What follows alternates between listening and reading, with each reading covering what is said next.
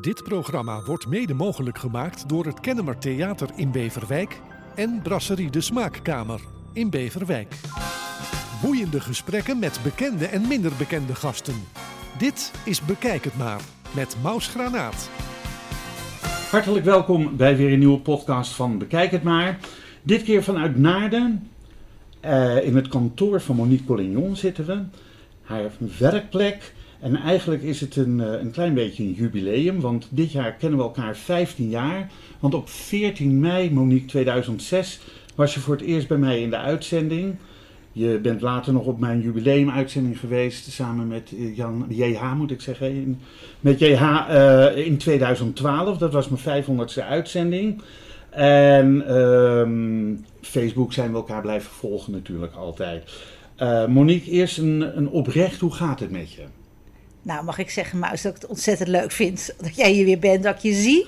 Nou, Want na al die tijd, en als je dan zegt 2006, hè, zei je, dat is toch niet normaal hoe hard die tijd gaat? En we zijn niks veranderd. Nou, in gedachten misschien niet, maar iedere keer schrik ik toch hoe hard het gaat. En, uh, maar ja, goed, daar gaan we het nu niet over hebben. Nee, nee. Uh, ja, hoe gaat het met me? Weet je, ik ben altijd de eeuwige optimist. Dus uh, dan zeg ik, gaat goed met het me. Het gaat goed, maar ja, dat is altijd Niemand wel... zit te wachten op allerlei dingetjes en weet je... Nee, oké. Okay. Uh, maar het was wel een gemeente, hè, dit? Ja, I know. Je bent afkomstig uit een Rotterdams gezin. Vader, moeder, drie oudere zussen. Klopt. Ben jij de enige die uh, het couturevak is ingegaan? Ja, dat klopt ook. Mijn zus en mijn, mijn ouders waren eigenlijk allebei creatief. Um, op hun manier. Mijn moeder had natuurlijk alle. Weet je wat, toen destijds was het geen academie, maar kostuumnaaien, lingerie naaien, al die diploma's gehaald. Dus dat kon ze allemaal. Heeft niet echt gewerkt als coupeuse, maar wel natuurlijk voor het gezin veel gemaakt. En mijn vader kon alles maken wat zijn ogen zagen, heel technisch. Dus van allebei heb ik heel veel meegekregen. Van mijn vader heb ik meegekregen omdat ik met de waterpas achter hem aanliep. Ja. Altijd als kleine meid. Ja. En ik verafgoorde mijn vader om zo geweldig om te zien, weet je wel. En dan zei hij ook van ja, uh, hoe scheef hangt het, hangt het Monique? En uh, zonder, even zonder de waterpas. Dus ja, als ik nu ergens kom, dan moet ik oppassen in een museum dat ik dat niet doe. Want dan hebben we een ander probleem. Maar dan probeer ik altijd alles recht te hangen, weet je wel. Ja, heb jij dat ook? Heel ja. erg. In een museum heb ik dat nooit, nooit de, de, de... Nou, ik hoop dat daar alles recht hangt. Maar als ik bij iemand thuis kom, zeg ja. mag ik heel even? Ja, en dan is alles maar zo'n stukje. Maar... Ja, maar dat is het. En dat Ja. is het kleermakersoog, wat we dan zeggen. En het grappige, denk ik altijd, dat heb ik dus, dat heb ik echt van mijn vader, denk ik. En zo zijn er natuurlijk meer, ja, het begint bij je ouders, in mijn geval dan. En mijn drie zussen zijn ook allemaal creatief, maar weer op hele andere manier, maar zeker creatief. En kunnen ook allemaal goed koken, eh, noem maar op. Of het nou in het huis is, eh, leuk maken. Kunnen eigenlijk toch wel, twee zussen van mij kunnen ook heel aardig tekenen. Um, eentje zeker. Dus dat weet je, dat zijn zeker allemaal uh, maar doen, die dat ho eigenschappen. hobbymatig? Hobbymatig, ja. Ja, oké. Okay. Um, het vak modeontwerpen, als ik het zo mag noemen, is je eigenlijk met de paplepel ingegoten. Want wat je net zei over je moeder die al die opleidingen had gedaan, heeft jou je eerste jurkjes leren maken? Ja, dat was wel pas laat hoor. Ik was natuurlijk als kind altijd aan het tekenen. Weet je, ik was ook altijd de eerste met straattekenen op Koninginnedag, weet je wel, dat Oh ja. soort dingen. En dan uh, zorgen dat ik een prijs won of zo. Maar ook gewoon altijd aan tekenen. En op een gegeven moment ging dan, gingen dat jurken worden, zeg maar, figuren met jurken. En mijn moeder herkende dat, maar in die tijd zat ik altijd nog te twijfelen tussen... Uh, ik wilde eigenlijk een Barbara Streisand worden... of Coco Chanel. Nee, maar tegenwoordig zing ik heel vaak voor vrienden. Als ze jarig zijn, zing ik in, lig ik in een deuk. En sommigen zeggen nog, oh, dat klinkt best oh. zuiver. En dan lig ik in een deuk. Ik denk, ik kan helemaal niet zingen. Maar weet je, um, en mijn moeder zag natuurlijk dat dat de modekant wel erg in me vertegenwoordigd was. Dus die heeft me wel gestimuleerd om uh, actie te ondernemen. Die heeft ook eigenlijk de actie ondernomen toen. Dat vond je als kind ook leuk? Ja, ik vond dat geweldig. En, um, en toen uiteindelijk na de middelbare school heeft mijn moeder ervoor gezorgd dat ik als laatste toelaatsexamen deed, laatste leerling toelaatsexamen deed bij Academie Maya van Riel Rotterdam. Dat is een privéopleiding. Werd ook aangenomen. Mijn moeder had, haar, had alles zitten vergelijken in die tijd. Die vond dat helemaal geweldig, want ik ging naar Parijs reizen en, en dat soort dingen. Dus mijn moeder dacht, nou, het is echt geweldig als mijn dochter dat allemaal mee kan maken. Nou, dat was ook heel erg leuk en super dat ik daar naartoe mocht. Ja. En um, ja, zo is dat natuurlijk begonnen. Ehm, je was als jonge vrouw van 21 afgestudeerd aan de modeacademie Academie van Rotterdam. En je bent toen voor Freetime, een, een, eh, ik ken dat merk nog van vroeger, Echt, ja. een, een, een jassenlijn gaan ontwerpen. Klopt. Uh, winterjassen of Ja. skiex. Freetime was een onderdeel van Boschemij. En Boschemij in, eh, dat was natuurlijk heel bekend in toen. Brabant zat dat. In, Ja, Etteleur. Etteleur, ja. ja. En die hadden onder andere Freetime. Dat was zoals ze zelf zeiden, de mannen die daar werkten. Ja, wij zijn maar een campinglabel. Echt lachen. en ze hadden toen... Duit, eh, Adidas was toen nog in Duitse handen. En zij hadden voor Nederland of de Benelux het recht, Boschje mij. En zo waren er een aantal merken bij hun. En ik kwam bij hun naar aanleiding dat ik een eigen ski-collectie had eh, getoond op eh, de beurs in München.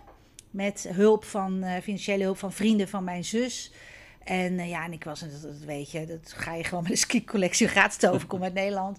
En, maar ik werd daar wel natuurlijk opgemerkt, want iedereen vond het vrij avant-gardistisch en met tijd vooruit. En wie is dat dan wat? En die is 21 jaar, hoe kan dat allemaal? Dus er kwamen natuurlijk wel headhunters. En via headhunters kwam ik bij Boschje mij terecht. En toen, ik had daar gewoon een klik en dat was leuk. En uh, de directeur daar, uh, Jan, en, maar ook Piet Lagarde van, van Adidas toen. Daar hadden ik een klik mee en die hadden zoiets van, nou, wat kunnen we nou met haar leuk iets doen? Ja, voor uh, het merk Freetime inderdaad, uh, jacks te ontwerpen. En toen zei ik, oh, mag mannen, vrouwen, kinderen? Ik ging gelijk los, ja hoor. En ik ging letterlijk los, want die ontwerpen waren zo ingewikkeld dat de patroondelen minstens 60 delen uh, betrof. En want ze waren binnenste buiten, afritsbaar, weet ik het allemaal. En een vriendinnetje bedoelt, van mij. Ze konden ze aan twee kanten dragen. Ja, ze konden, ja. Ja, ja, precies. En ze konden uit elkaar ritsen, noem maar op.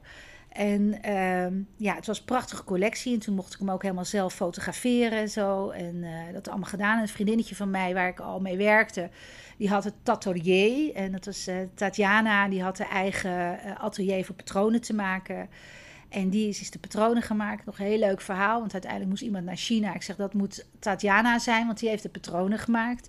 Die kan dat precies dan ook daar hè, zeggen van hoe en wat we het willen. Uh, die was toen hoogzwanger. Nou, die heeft wereldse dingen daarmee gemaakt. Het uh, is ook een, een, ervaring voor haar geweest om nooit te vergeten. Um, ja, en toen heb ik nog een paar jaar... Ik heb een aantal collecties voor Freetime gedaan. Weliswaar eenvoudiger. ja. want het was gewoon te fancy. Maar wel heel leuk. Dus uh, ja, en toen daaruit ben ik bij Rini Wachmans ook weer terechtgekomen voor wielerkleding. PSV uh, was hij? Nee, nee, Rini Wachmans, dat is natuurlijk uh, de oud wielrenner. wielrenner ja, sorry. Die had zijn eigen bedrijf, ja, Goa ja. BV. Bestaat nog steeds overigens. Zijn zoon heeft dat overgenomen. En daar heb ik wielerkleding en triathlonkleding aantal collecties voor ontworpen. Oh, top. Um, op je 28e opende je je eerste zaak in Leiden. Was dat? Ik weet nog geen eens meer mijn, mijn leeftijd, maar inderdaad was in Leiden. Ja. Maar ik vond dat, ik denk 28, ik vind dat wel gedurfd, een beetje lef hebben om, om dan een, een zaak te gaan openen. Ja, dat is misschien mijn ding, een beetje te veel lef. Maar Jan Henny komt natuurlijk ook wel weer uit een zakelijk gezin. En, Jan Henny uh, is jouw man. Ja. ja. JH, wat je ook JH, zei, dat is ja, makkelijker. Ja, ja, ja, maar die, um, en er kwam een winkelpandje vrij tegenover hun bedrijf. En had zoiets van, ja, je moet toch ook weer ergens, weet je, je krijgt leuk um, reviews in, in bepaalde bladen. Maar op een gegeven moment vanuit huis werken werkt niet meer. Je moet ook mensen gewoon zakelijk kunnen ontvangen, Ja. ook al is het klein. En toen ben ik daar inderdaad begonnen. Maar En, ben je ehm, toen, was dat ook het moment voor jou dat je dacht: ik wil onder mijn eigen naam, MC, eh, wil ik eh, eh, mijn, mijn ontwerpen gaan maken, daar wil ik mijn eigen haute couture gaan maken? Of was die zaak al alles haute couture van jou? Of ben je gewoon kleding gaan verkopen Nee, toen? nee, ik was natuurlijk gewoon aan het ontwerpen voor anderen. Ook, eh, ook dameskleding of heerkleding, whatever. Ik heb van alles aangepakt natuurlijk. Ja. Overal naartoe gereisd. Maar ik wilde me, ik ben les gaan geven eh, bij Academie Bijenveld destijds in Amsterdam. In ontwerpen. Ik zei altijd wel, ik doe dat vijf jaar en niet langer. Het is ook precies vijf jaar. Ik heb de, eerst deed ik alle klassen, maar uiteindelijk deed ik alleen de hoogste klassen voor het examenjaar. En ben ik ook af gaan bouwen. Toen was ik er ook wel klaar mee. En ehm, toen zei Jan Henny had ook zoiets van: dan moet je gewoon stoppen als er niet meer je hart ligt. En als je voor jezelf wil gaan beginnen, dan moet je dat nu een keer gaan doen. En voor mij lag het eigenlijk altijd al vast dat ik, ik wilde gewoon. Ja, Maus, dat is iets heel geks. Zelf doen, weet je wel. En eh, ik weet wel dat ik in de begintijd ook bij een bedrijf kwam solliciteren als styliste, zeg maar, ontwerpster. Een of ander leuk Nederlands klein merk. En daar ben ik toen niet aangenomen. En toen vroeg ik van waarom ben ik niet aangenomen? Toen zeiden ze, ja, Monique, jij bent geen blijvertje. Dat voelen we gewoon, hè, ambitieus en jij gaat gewoon door. En Daar toen vond ze gelijk in. Daar hadden ze gelijk in. Toen vond ik dat natuurlijk heel erg, want ik Ja. wilde natuurlijk gewoon heel graag werken. En later, toen ik daarover nadacht, dacht ik, en zeker veel later, toen ik zelf met mensen werkte, dacht ik, en nu ook, dat is eigenlijk niet zo slim. Want misschien had ik voor een half jaar of een jaar wel heel veel kunnen bijdragen voor hun. En was het voor mij een, een toffe les geweest, maar voor hun had ik misschien ook heel veel kunnen betekenen. Ja, ja. En dat zie ik tegenwoordig dus anders. Dus dat vind ik dan wel weer jammer. Maar goed, zo was het. En ze hadden daar gelijk in, inderdaad.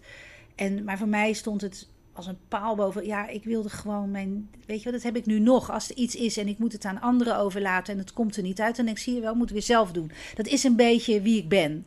Dus dat is een beetje het karakter, denk ik. Terwijl ik heel graag met mensen samenwerk en een team, eh, noem maar op. Maar ik ben ook wel de regisseur. Dat zeg ik eerlijk. Het is dit jaar ook eh, 25 jaar geleden dat je met je eerste haute couture collectie kwam. Jij weet het allemaal beter In dan ik. ik. hou het er wel niet 1996, 2021. Dus precies 25 jaar geleden.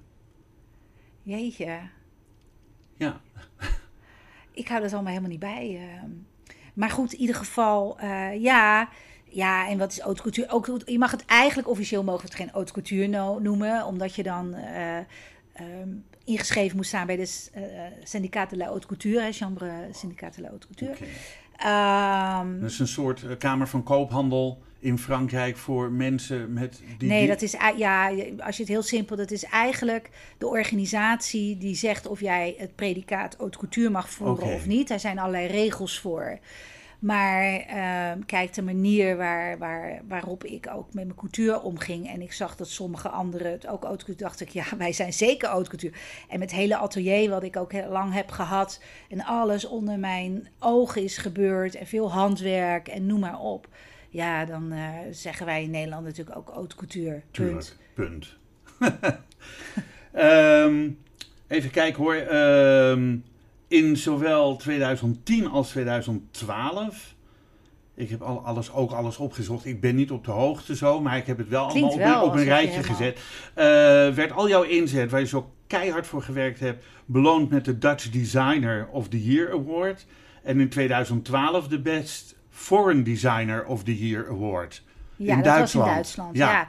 dat is wel erg leuk hoor, als je zo'n prijs eh, ontvangt. Vind je dat een eer voor datgene wat je hebt gedaan? Of Nou, ik denk daar tegenwoordig ook veel over na. Ik vind het wel een eer. Ehm, en dat is het, weet je. Ik vind het wel heel... Kijk, ik heb met corporate wear, dus een paar jaar geleden... was dat twee, drie jaar geleden... voor alle ontwerpen, de kleding die ik heb gedaan... dat uitgevoerd is door de Berkel... eh, de prijzen ontvangen voor, eh, voor het Prinses Maxima Centrum. Hè. Daar heb ik alle artsen, alle kleding voor hun gedaan. Bij, voor de opening, hè. er werd natuurlijk ook een nieuw ziekenhuis geopend. ja, Ehm, en daar kreeg ik de award voor. En dat vond ik ook wel heel. En samen met de Berkel, alle mensen. En het Prinses Maxima Centrum vond ik wel echt heel cool. dat is. eh, Die betekende ook echt wel. eh, en zij lopen nog steeds in jouw ontworpen kleding. Zeker. Ja. Dat is natuurlijk net. eh, Als er een nieuwe lijn moet komen in zo'n ziekenhuis, ben jij dan degene weer die ze benaderen van Goh Monique, je hebt toen dat gemaakt. zou jij het opnieuw voor ons willen doen? Ik heb geen idee. Dit was ook een beetje als vanuit mijn ambassadeurschap, zeg maar, voor, voor onder andere Kika. Ja, eh, gekomen en dat het heel erg aan mijn hart ging. Ehm, het hele verhaal natuurlijk wat ze daar neerzetten vind ik echt fantastisch. Ehm, een ander ziekenhuis, het is, was natuurlijk wel, ehm, eh, zorgkleding is een heel bijzonder iets. Dus ehm, of daar een ander ziekenhuis zoveel zorg aan wil besteden als het Prinses Maxima Centrum. Want ze hebben toen ook de kinderen echt mee laten denken. Hè, eh, over het algemeen. Hè, ze hebben ze kinderadvies. Juist, precies omdat kinderen liggen daar, niet Ja. de ouders, Nee, weet je wel. nee. Dus daar hebben ze heel erg, en die heb ik ook, de kinderadviesraad heb ik ook twee jaar daarvoor al bij mij uitgenodigd. En bij het hele proces betrokken. Ehm, omdat ik denk dat is belangrijk. En, eh, om- het is, het is, ik kom zelf uit de zorg. Ik werk in het ziekenhuis in Alkmaar. En dan ik, weet je eh, dat, ja. En ik weet hoe een pak zit. En het is gewoon niet lekker als het trekt. Of als je denkt, goh, wat een ondiepe zak, want Ja. ik wil er, mm, weet ik veel, wat in kwijt. Eh, het, het moet gewoon heel comfortabel, goed wasbaar. En eh, Ja. ja. nou ja, wat moet ik jou zeggen daarover? Maar eh, dat is wel belangrijk voor als je daar acht uur per dag in, in wandelt. Nou ja, en wat het heel bijzonder heeft gemaakt, is dat ik echt een dames- en herenlijn heb gemaakt. Ja. Omdat de dames, of dat nou de vrouwelijke artsen waren, oncologen, mensen van het lab, noem maar op. Labkleding is natuurlijk weer wat anders hoor. Maar dat ze wel zoiets hadden van, weet je Monique, eh, we zijn zo blij dat jij het gaat doen. Omdat dan krijgen we waarschijnlijk wat meer vorm erin. Nou, dat, ja, maar het is wel ik. werkkleding, Ja, weet je. Dus ja. daar moet, ja, dat vond ik wel heel interessant om daar heel goed over na te... Dan moest ik echt mijn hersenen natuurlijk wel even bij laten kraken. Nee, dat vind ik heerlijk, weet je. dan krijg je echt het ontwerp en dan in de finesse en dan kijken van wat is mogelijkheid uit binnen alle grenzen. Monique, het is inmiddels al anderhalf jaar geleden en toen brak, ik wou zeggen de pleuris uit, maar Kan je de, best zeggen. ja, de pandemie uit. Eh, ik bedoel, de lockdowns die volgden, we moesten mondkapjes gaan dragen, we moesten elkaar geen hand meer schudden, je mocht elkaar niet meer huggen, je mocht elkaar niet meer bezoeken, anderhalve meter, ik hoef het allemaal niet op te noemen. Ehm, wat betekent dat voor een, een, modebedrijf, mag ik het zo zeggen? De- de- Ja. de- Als, Nou ja. Als het jouwe. Wij hadden heel veel evenementen gepland, waar voor verkopen en zo. En 12 maart 2020 was het klaar. Alles Ja. kon afgezegd worden. Ja. Dus eh, ja, eigenlijk ligt het hele bedrijf stil. 0,0 om- omzet. En eh, ik ging ook naar huis natuurlijk. Dus ehm, ja, ik zat in het begin had ik nog zoiets van... Ja, weet je, ik kan misschien eens even uitrusten. is nooit van gekomen. Nadenken over dingen. Dat is ook nooit slecht natuurlijk als je doordendert eh, met alles. Nee, soms kan, kan iets negatiefs je naar iets heel positiefs Ja, precies. brengen. Ja. En, eh, maar Jan Henny zei op een gegeven moment, eh, dat was april denk ik, vrij snel. Moet jij niet iets met mondkapjes? Nou, ik kan hier niet herhalen wat hij allemaal naar zich toe kreeg natuurlijk. Ik ging niet schelden hoor, maar van nou, eh, wat denk je wel een beetje voor me, jou op de bank. Wat denk je nou? Nou, dat. Eh, ik ga toch niet van een stofje leuk bij passend bij een jurkje een mondkapje maken. Ik zei, dat slaat helemaal nergens op. Want dat werkt dus ook niet. Dus dat ga ik ook niet doen. Dat vertik ik. Hij zei, dat zeg ik toch ook niet, dat jij dat moet gaan doen. Hij zei, ik vind het echt iets voor jou om je daarin te verdiepen. Wat ik kan wel. Wat is een goed materiaal daarvoor? Nou, ik had er helemaal geen zin in, Maus. Ik zat, eh, ik denk, lekker, ik zit lekker. Ik doe even helemaal niks. Gaat helemaal niks worden. Toen kwamen twee vriendinnen. Dat is Beate van Baal, zangeres in, eh, zit in Duitsland, Nederlandse. Caroline Bruin. Caroline, oh dat was Ja, weet je goed. ja. Caroline, een ander vriendinnetje natuurlijk, die zei... Mootje, moet jij niet... Nou, die kregen dezelfde, maar iets mildere versie te horen... waarom ik dat niet ging doen. En toen kwam mijn vriendin Sylvia Toot. En die begon ineens tegen mij. En ik zei... Maar als Sylvia... Dat is niet ten nadele van mijn andere twee vriendinnen... maar als Sylvia iets in haar hoofd heeft... dan heeft zij daar al over nagedacht, weet je. Dat is een snelle schakelaar... eh, zakelijk ook gezien en noem maar op. Dus die ging mij iedere dag, eh, ik zeg positief stolken met mails, met appjes.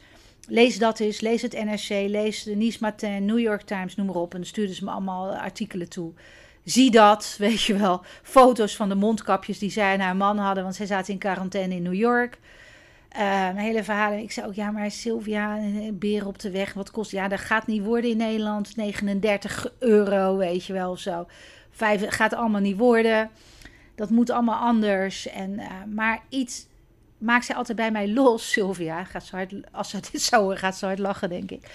Dat ik denk van, ik moet daar wel iets mee, want anders ga ik haar ongelooflijk teleurstellen.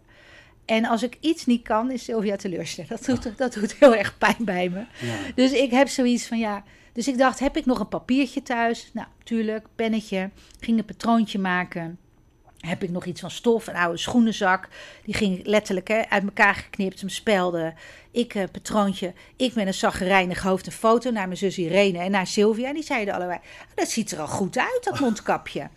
dus ik dacht, nou dat was het dan, want ik heb geen materiaal. En toen kwam een vriend van mij, Christian Lohman, en die eh, zei: Mo, ik moet je wat laten zien. En die kwam met een materiaal, gooide die op tafel. En toen dacht ik in één keer: wat is dit? En het is een Duits materiaal, helemaal duurzaam geproduceerd. Je bent dus eigenlijk niet zomaar over te halen, Monique. Nee, want ik vind altijd, Maus, als ik wat doe, dan wil ik daarachter staan en dan wil ik erover kunnen vertellen. al mijn, ook mijn confectiekleding, wat we natuurlijk niet op eigen atelier in elkaar zetten, zeg maar. Maar daar kan je mij alles over vragen, ook al zit ik het zelf niet te naaien, weet Ja. je wel. Want daar weet ik gewoon alles van. En dus met mondkapjes had ik dat ook. En dit materiaal, omdat het duurzaam is geproduceerd in Duitsland, vond ik al gelijk interessant. En eh Nederlandse eh, producent, zeg maar, die ook helemaal niet in mondkapjes zat, maar in hele andere mooie gordijnen en tapijten. Maar daar ook mee aan de gang was gegaan, Textiles en More. Die hadden ook eh, TNO laten testen. En het was zo goed uit die test. Dus ik dacht in één keer, weet je, dan zeg ik, ik krijg een trillende navel. Dus ik ging wat rechterop zitten op die bank. Is dat een Rotterdamse uitdrukking? Nee, die is van Bertie van Avenzaat. Mijn mentor, weet je nog. En eh, die vind ik zo leuk, dus die heb ik overgenomen in de jaren. Maar toen dacht ik, ja, nou heb ik echt iets in handen. En het is, want een geweven stof, ik heb naderhand ook filmpjes gemaakt, heb ik het de mensen uitgelegd en laten zien. Daar, geweven stof, of je nou, en meestal is dat dan een platbinding, eh, wat ze gebruiken, maar een platbinding is eh, verticaal, horizontaal. En hoe klein je dat ook strak zou weven, er zitten altijd gaatjes tussen die vezels. Dus als je hoest of iemand anders komt altijd doorheen. precies. Ja, ja. En dat heb ik ook allemaal laten zien aan de mensen op de filmpjes. En dit materiaal dus niet. 95% van alle particles die in de lucht zweven houdt het tegen. Er zijn mensen eh, die eh hooikoorts hebben, die tegen me zeiden van dit. eh, bijvoorbeeld Roberto Dresia, een visagist, die zei... Monique, het is, ik heb, ben een hooikoortspatiënt. Dit werkt geweldig. Dus ineens ging het nog een andere werking ook krijgen. Maar het is wasbaar, dus duurzaam. Maar het zijn zoveel, het ligt naast chirurgische kwaliteit. Beter kon ik niet hebben, want de chirurgische kwaliteit mochten we niet aankomen. Nee. Weet je nog? Ja. Dus dit was de beste kwaliteit ernaast. Dus ik dacht, nou, dan wordt het even tijd dat ik de directeur Bob ga spreken. Nou, we hadden meteen een klik. Twee dagen later eh, zagen we elkaar. Binnen no time had ik de eerste vijf eh, de scènes. En Jan Henny lachte natuurlijk, want die zag in één keer dat, dat, dat stierenbloed bij mij weer zzz, koken. En ik ging er weer voor. En eh Meerte Milius, die kwam hier fotograferen, een paar modellen. En noem maar allemaal helemaal natuurlijk eh, eh, afstand. Ja, gek genoeg, maar helemaal veilig. En, maar dan hebben we een serie foto's, moesten toch komen. En toen eh, voor 1 juni, om uit te leveren, de eerste. Toen ging het helemaal los op Twitter.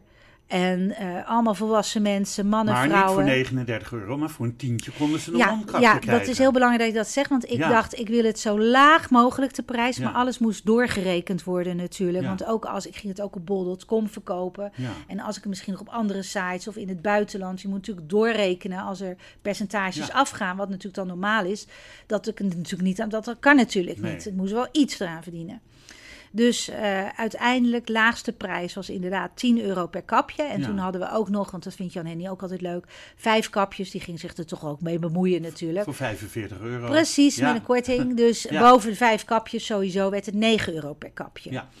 En eh, mensen gingen het op Twitter allemaal posten, foto's, hoe chic ze het vonden Ja, aangeleverd. maar de- hoe leuk is het om van een modeontwerpster een mondkapje, een mondkapje van Colin Jong. Ik heb een Colin Jong mondkapje. Ja, dat Ja, is toch werd, leuk? Het werd echt gek, want Ja. ik heb ook een, eh, toen in vier talen een kaart erbij gemaakt. Mooie zwarte kaart met witte teksten. Eh, even uit mezelf iets nog te opgeschreven, verder verwezen naar de, naar de website, waar ze nog meer erover konden lezen. Ja, mensen hadden zoiets van, wat is dit? Wauw, weet je wel. Van, ja, ja, het, het is, laten we eerlijk zeggen, het is maar een mondkapje. Maar ik vind gewoon, als mijn naam eraan hangt en ik, ja, ik, weet je, je moet dat gewoon netjes doen Ja. en netjes naar de mensen Ja. brengen. En ook als er iets was of dat ze nog niet geleverd hadden, of er is in het begin natuurlijk ook wel eens wat verdwenen of wat dan ook. eh, dan moet je daar gewoon netjes antwoord op geven en gelijk reageren. Dus dat was ook heel leuk. En op een gegeven moment herkende ik ook mensen die vaker. Dus toen dacht ik ook, doe even nog leuk en dan schrijf ik even iets op, eh, nog persoonlijk, weet je wel. En dat werd ineens een soort, kreeg ik er heel veel lol in natuurlijk. Omdat ik dacht, ik ben ook gewoon niet met iets slechts bezig, met mijn zakken vullen bezig. Want Nee. helaas, ik werd wel een Nou, soort... daar, daar hadden we Siewert voor. Siewert uh, Huppelde Ja, dat is toch wat, hè, jongens. En dan had ik toch goede kapjes nog ook kunnen leveren voor, voor heel iets anders. Ja. En uh, denk ik dan wel eens aan. En dat was toch wel fijn geweest voor het bedrijf, denk ik dan ook wel eens aan.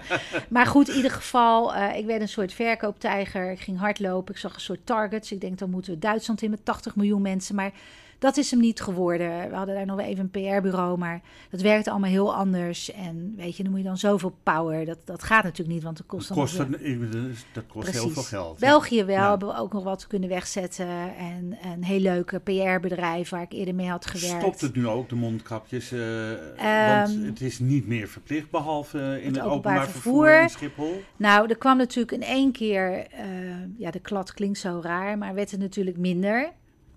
Terwijl ik natuurlijk steeds bij moest bestellen, omdat het uit onder mijn handen wegging. En daar moet je dus weer het lef voor hebben. eh, waarvan ik nu denk, oh ja, snap je? Maar, Nou, maar, eh, maar het is wel goed als je niet met honderdduizend mondkapjes blijft zitten. Nou, 100.000 niet, maar ik heb er natuurlijk nog wel. Want ja, je moet bijbestellen. Je kan niet zeggen, nou, ik ga, want het duurt ook weer zo. En ik kreeg overal voorrang mee eh, bij Bob, omdat ze zo snel mogelijk weer bij me wilden hebben. Waren een paar bedrijven die bij me bestelden. Heb ik voor Ja. hun een logo, hun eigen ding eventjes eh, gedaan. En was, ja, ik kreeg daar natuurlijk ook echt lol in. En eh, nu af en toe, weet je wel, komen nog mensen die mondkapjes willen hebben. Omdat ik was toevallig eh, ergens en iemand die ik niet ken, die zei van me, ik heb ook een mondkapje voor jou. Of meerdere. Maar en ik heb altijd eentje bij me. Ik zeg, ik heb er ook altijd een schone bij me. Ja, Want als ik ergens denk van, vind het niet fijn, dan doe ik gewoon even lekker mijn mondkapje op. maar Monique, we zijn nog niet van corona We zijn er nog niet af. vanaf. We zijn er nog niet van af. En voorlopig is er nog maar 2% in de derde wereld gevaccineerd. En als dat in dit tempo doorgaat, dan duurt het geloof ik 50 jaar voordat de hele... Oh, echt? Ja, dat het, maar ja, ondertussen muteren die, ja. die, eh, eh, die virussen weer. En, eh maar goed, de- la- we, we zijn nu weer een beetje vrij ook. Dat is ook heel prettig. Heel prettig, tuurlijk. En ehm, ik weet nog dat ik langs jouw huis liep en dacht... Kijk haar nou liggen op de bank. Wat ga je... en jij dacht bij jezelf... Kom op, Collignon, er moet wat gebeuren. Nou, dat dacht ik inderdaad. ja, Ja, eigenlijk letterlijk. Ik lag inderdaad op de bank, want het, het werd natuurlijk... Ik, ik hoefde niet meer iedere dag de mondkapjes te Ja. gaan versturen, zeg maar. En ehm, ik had net gewoon even iets te veel mensen in mijn omgeving, kennissen, vrienden... die echt zoiets hadden, ja, maar Mo, weet je wel... hoe lang gaat dit nog duren? Ja, niet dat ik het antwoord had, maar gewoon zo'n beetje in het algemeen. Want die zaten letterlijk op de bank, zonder inkomen, hè? ja. Nauwelijks een uitkering of geen. En eh, Nou, mensen ze uit het... zo'n, eh, zo'n eh, hoe heet het? Eh, sommigen kwamen ook niet, ja. ik weet het niet precies, maar ehm, uit het theater, ook uit mijn modewereld, fotografen, noem maar op. En ik dacht gewoon, ja, maar dit mag niet gebeuren. Hè? Ik ben altijd van de positiviteit, we zien altijd weer het licht. Ik weet niet of het altijd heel goed is, maar Als het maar licht is. als er maar licht Ja, is aan het eind ja. van de tunnel. En ik dacht, dit mag niet gebeuren. Collignon, doe er wat aan. Ik, ineens kwam er bij me binnen, echt waar, Maus liggend op die bank lang uit. Ik dacht, creativiteit verbindt en inspireert. Dus dacht ik, als ik nou eens 15, uiteindelijk zijn het 21, nog iets meer geworden, maar 21 van mijn bekende vriendinnen vraag, die ik altijd heb gekleed, die kleding van mij in de kast hebben, whatever, waar ik een link mee heb, een persoonlijke link. Dito fotografen, waar ik dus diezelfde link mee heb, en visagisten, waar ik dus ook die link mee heb. En ik ga hun als een soort casting director drie mensen bij elkaar plaatsen in een team. En het model, dus ja, dat is natuurlijk een bekende Nederlandse vrouw. Die mag ineens mee, die moet mee gaan beslissen in wat de uiting wordt van, eh, want er moet gefotografeerd gaan worden. Ik wil niet een Collion modefoto. Ik wil dat ze fashion art gaan maken. Dus out of the box gaan denken. Hun creativiteit moet gaan borrelen. Met z'n drieën. Wel, daar lag natuurlijk helemaal in een deuk. Ik denk dat gaat wat worden. Met z'n drieën gaan ze dat helemaal bedenken wat het moet gaan worden. En natuurlijk een dag afspreken dat ze dat kunnen gaan doen. Of ochtend of een middag. Ik dacht, en dan ga ik me niet met de fotografie bemoeien. Dat is mijn uitdaging, want ik bemoei me natuurlijk overal mee tot op de millimeter. Dus ik dacht, dat doe ik niet. Maar ik ben wel de casting director. Dus ik ga, ze mogen niet zeggen, ik wil met die fotograaf of die visagist. Ik ga ze gewoon zelf bedenken wat een spannende combinatie is. Het kan zijn dat ze daar wel vroeger mee hebben gewerkt. Kan zijn van niet, weet je wel. Maakt helemaal niet uit. Maar waar ik van denk, dat dat is spannend kan zijn om... Dat er dan iets kan gaan borrelen. Want daar gaat het om, weet je wel. En om in die flow te komen en wat blijer te worden. En toen dacht ik, nog steeds op die bank liggend... Dan moeten grote van die sexy foto's worden, weet je wel, op perspex. Ik dacht, ja, en dan moet je... Oh, wacht, er moet er natuurlijk een expositie komen. En ik ben een beeldend iemand, dus ik zie alles meteen gelijk in een film. Dus ik zag die expositie al voor me. Ik dacht, ja, hoe mooi is het als dan een tijdschrift bij betrokken is... die daar iets aan doet. En mensen krijgen dat op de opening mee. Ja. Ik dacht, ja, en dan moet er een boek komen. Mijn eerste boek wil ik gaan maken. Echt een mooi boek. En toen dacht ik, oké, we hebben natuurlijk de foto's en wat ik allemaal kan regelen en het boek. Maar er zal toch uh, betaald moeten worden. Iedereen doet natuurlijk vrijblijvend mee. Uh, ik ook, weet je wel. Ik verdiende ook niks aan. Maar het gaat, daar gaat het nu even niet om. Hè. We moeten in die flow blijven. In die spirit, die moet gewoon werken. En het enthousiasme, weet je wel. En het verbinden vind ik zo belangrijk. Weet je, elkaar ook stimuleren ergens in. En toen, uh, ja, ik ben al die mensen natuurlijk even gaan, hallo, met Monique, even een appje gaan sturen. Kan ik je even bellen, misschien 10 minuten voor je tijd? Iedereen zei meteen, ja hoor, bel me maar nu, bel me over 10 minuten, whatever. En op een gegeven moment belde Govert de Roos mij. En is natuurlijk ook een dierbare vriend. En die, fotograaf. De fotograaf, inderdaad. En die zei, Mootje, ik wist nog geen eens waarover je mij wilde spreken. Maar ik dacht, dat maakt niet uit. Wat ze ook vraagt, ik zeg meteen ja. Nou, dat kwam natuurlijk recht in mijn hart. En dat vond ik zo bijzonder. En ik zat het verhaal te vertellen. Hij zegt, hou maar op, want bij zin 2 was ik ook al om, weet je wel. En wat een gaaf project. En, uh, maar toen dacht ik, oké. En toen heb ik Monica van E uh, gebeld. We hadden elkaar nog nooit ontmoet. Grappig genoeg zijn we uit hetzelfde jaar. Zij is twee ja. maanden Mo eerder Monica van E is... is... de directeur van Hanna Skin Improvement. Ja. Prachtig merk. Nederlands merk. Uh, nee, huidverzorging. Huid. Alles op huidverbetering en zo. Oké, okay. ja. En uh, heel erg tof gesprek. Heel kort, ze zijn meteen weg, wij gaan mee. En uh, ik belde met de directeur van, met Marcel van de beurs van Berlage. Want ik dacht, dat zou toch ook wel erg cool zijn. Ik heb uiteindelijk daar nog eens mogen showen in een andere grote organisatie. Niet heb ik zelf niet georganiseerd. Maar dus ik dacht, daar heb ik ook weer een link. En die zei later in een speech uh, die hij hield op, uh, op een opening. Uh, ik had Monique aan de telefoon, was drie dagen verslag. Moest zelf lachen. Ja, hij zei, hij had ook zoiets van: ja, maar dit is gewoon te gek, weet je wel. Ja, dat moeten ja. we gewoon gaan doen. Ja, maar niet voor mij, maar niemand heeft dit ooit bedacht. In, niet in Nederland en niet in het buitenland. Kijk, in de 70 jaren, dat zei Bart Brom, de visagist, tegen mij: Mo in, zeven, in de 70 jaren waren de visagisten, nee, niet visagisten, maar uh, popartiesten en rockartiesten en kunstenaars die samenkwamen om ook te sparren en te doen. Daar kwam ook een explosie uit, weer op een andere manier. Maar dat is natuurlijk zo gaaf om met mensen uit. Je hebt allemaal toch een soortzelfde vibes, weet je wel. Maar om dan toch al die disciplines bij elkaar te komen en te kijken wat daaruit komt. Terwijl je dit zegt, zie, zie ik opeens een hele fotoserie van David Bowie voorbij Exact. komen. Van Freddie Mercury voorbij ja. komen. Wat toch stijliconen waren Precies. in die tijd.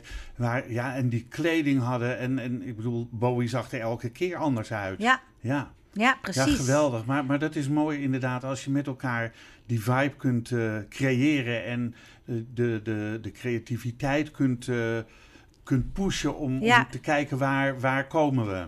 Kijk, en ik was, ik bemoeide wel niet met de fotografie, maar ik was wel een soort, noem mezelf overal regisseur.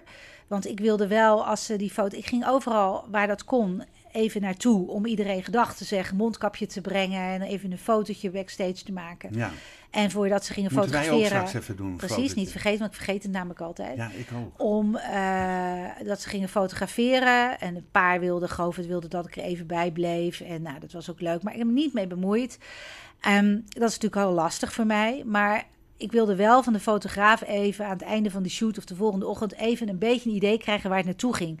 Waarom? Omdat ik ging een hele maquette maken eh, voor de expositie. Hoe ik dat wilde indelen. Alles moest namelijk gebouwd worden. De muren, de podiumdelen, noem maar op. Of dat allemaal klopte. Of dat zoals ik het wilde, dat dat logisch was en mooi. En de kleding wilde ik daarbij die, gebruikte, die ze gebruikt hadden. Tekening of de officiële schetsen. Dus dat was wel een projectje. En ik wilde zien voor het boek hoe ik dat wilde indelen. Maar nog belangrijker, dat niet iedereen ineens bijvoorbeeld, want toen hoorde ik, ja, wij willen in beweging. Ja, als ik dat een paar keer hoor, denk ik, ja, snap je wat ik bedoel? Ik snap het, ja. Dus dan moet wel een verscheidenheid zijn. Dus ik probeerde dat een beetje te sturen, is een groot woord misschien. Ja, dan gaan mensen zo gaan ze heel hard lachen, ja, heb je wel gedaan. Maar hier en daar een prikje uitdelen, weet je. Of even te zeggen, nou, misschien moet je denken dat je daar, aan daar weg blijft, weet je wel, dat soort dingen. Zodat het allemaal een oorspronkelijk beeld kreeg, hè, Mhm. werd. En ehm, dat vond ik ook enig, dat is me zo goed bevallen. Dat vond ik enig om te doen en te zien ook. Want ik dacht ook, zij gaan waarschijnlijk mij weer inspireren. Kun, kun je misschien wel Mm. een paar namen noemen wie aan dat Fashion Art project hebben meegewerkt? Want dat is ook wel leuk om even Nou, voor de luisteraars. Om Het is, het is wel heel bijzonder, want het zijn 64 mensen totaal. Oh, je hoeft ze niet alle 64, Nee, hè? gewoon Nee. een aantal. Nou ja, Caroline de Bruin, uiteraard. Ankie van Gunsven, Hint, Lone van Roosendaal. eh, Victoria Koblenko. ehm, Tanja Yes. Maar ook Floor Eimers, eh, de solist van het Nationale Ballet. Dat zijn natuurlijk ja. de modellen. Maar Govert de Roos, Patricia Steur, William Rutte. ehm, zoveel. ehm, Jeroen Snijders, die altijd mijn catwalks heeft gefotografeerd. Die tegen me zei: Mo, ik vind het een eer, maar ik hoor daar toch niet tussen. Tussen al die grote namen, Roger Neven, noem maar op. En ik zei: Jawel, want je bent ook al bijna maar je hele leven bij me. Je hebt bijna al mijn catwalks gefotografeerd in binnen- en buitenland. En ik vond het leuk om hem ook te triggeren, out of the box te laten denken. En gewoon voor hemzelf ook, weet je wel. Om gewoon dat te denken. Maar wel mooi als je zo een netwerk hebt en met, eh, nou ja, noem het eh, 52 belletjes of 54 belletjes. En iedereen Ja, ja, 60. zegt. Of 60 Ja. belletjes. Iedereen bij elkaar. Ja, er waren 20 teams van drie mensen natuurlijk. 21 teams, Ja, waarbij twee teams vier mensen hadden. oké. Ja. Nou, maar en, en het, dat is van de grond gekomen. Maak je van dat project ook een boek? Of staat dat project in je boek? Ja, dat, dat was natuurlijk het, mijn idee. Ik dacht, dan wil ik een boek maken waar... Hè, je hebt natuurlijk de expositie. Die is uiteindelijk nog met een maand verlengd. Die is net afgelopen in de beurs van Berlaren. Dat was natuurlijk fantastisch. En toen heb ik, eh, dacht ik van, ik maak een boek waar natuurlijk niet alleen die foto's komen... maar dan wil ik iedereen even...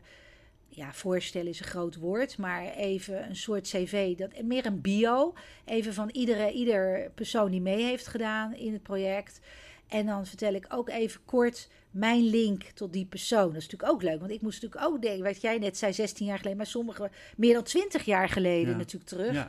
Eh, hoe bijzonder is dat? Of een, een bepaalde anekdote even aanhalen. Dan heb ik ze ook allemaal laten interviewen door journalist Ivo Teulings. Ehm, en eh, dat is ook allemaal in, heeft hij mooi ingedeeld. eh, wat ik in het boek wilde hebben.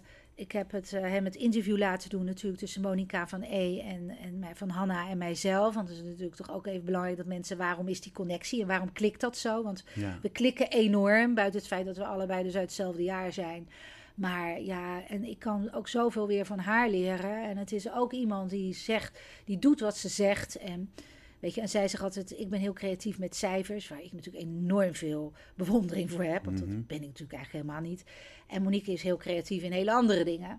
En dat is ook, eh, dus dat is er ingekomen. Maar zo kun je elkaar aanvullen natuurlijk. Ja, backstage foto's. Dus de vormgeving van het boek had ik wel snel al eh, van hoe ik wilde dat het ging worden. En daarbij heel goed begeleid. Monique, ik heb, ik heb een paar korte vragen voor je opgesteld. Ik ben benieuwd. Aan jou te bepalen hoe lang het antwoord. En als daar vragen tussen zitten waarvan je zegt, Maus, dat gaat je geen moer aan, dan moet je dat ook zeggen. Dat is goed. Oké, Die leeftijd heb ik tegenwoordig. En maar dat ik dat gewoon zeg. juist.